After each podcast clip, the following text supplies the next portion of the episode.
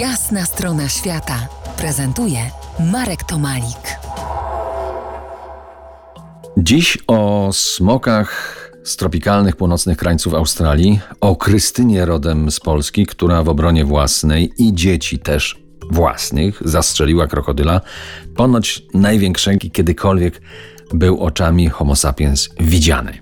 Przy trasie jednej z moich wypraw trasie Savannah Way, której najciekawszy fragment ciągnie się ponad 2,5 tysiąca kilometrów wzdłuż ogromnej Zatoki Carpentaria, mieszka może 3000 ludzi i 300 tysięcy krokodyli. Co nie znaczy, że kotłują się jak węże w filmach Indiana Jonesa, tu i tam, ale są, są tam obecne. To jest ich dom. Upłynęło trochę czasu, zanim dowiedziałem się, dlaczego jest ich tam tak dużo.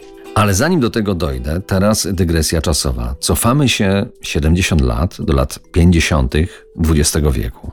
Ron i Krysia po krainie Gulf Country snuli się długo i pewnego dnia, według wspomnianej legendy, smok miał zbliżać się do ich obozu w pobliżu, gdzie bawiło się ich dziecko.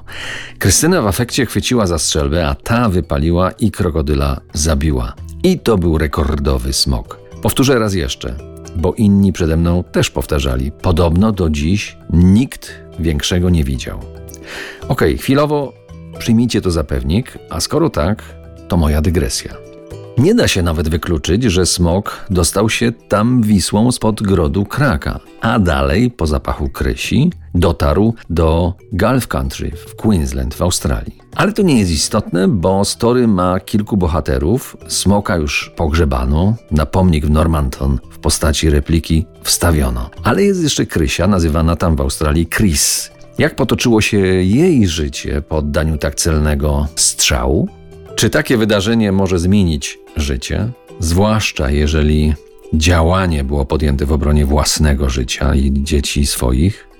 Odpowiedź wydaje się jednoznaczna na tak. Pozostaje jednak niepewność, jak bardzo zmieniło się życie jednej rodziny, która dość ostro kręciła się po buszu w północnej Australii. Zanim łowcy Krysia i Ron stali się znani ze swoich umiejętności polowania na krokodyle, to ktoś im podpowiedział, jak oskurkować tego pierwszego giganta, który upolowali. Za tę pierwszą skórę dostali 10 funtów, bo wtedy w Australii były jeszcze funty. Dopiero w 1966 roku Australia wprowadziła własną walutę, dolar australijski. Tak czy owak, to była w tamtych czasach równowartość dzisiejszych około 1500 zł, suma zachęcająca parę bushmenów do kontynuacji działań. Czy rzeczywiście zrobili na tym biznes? Opowiem za kilkanaście minut.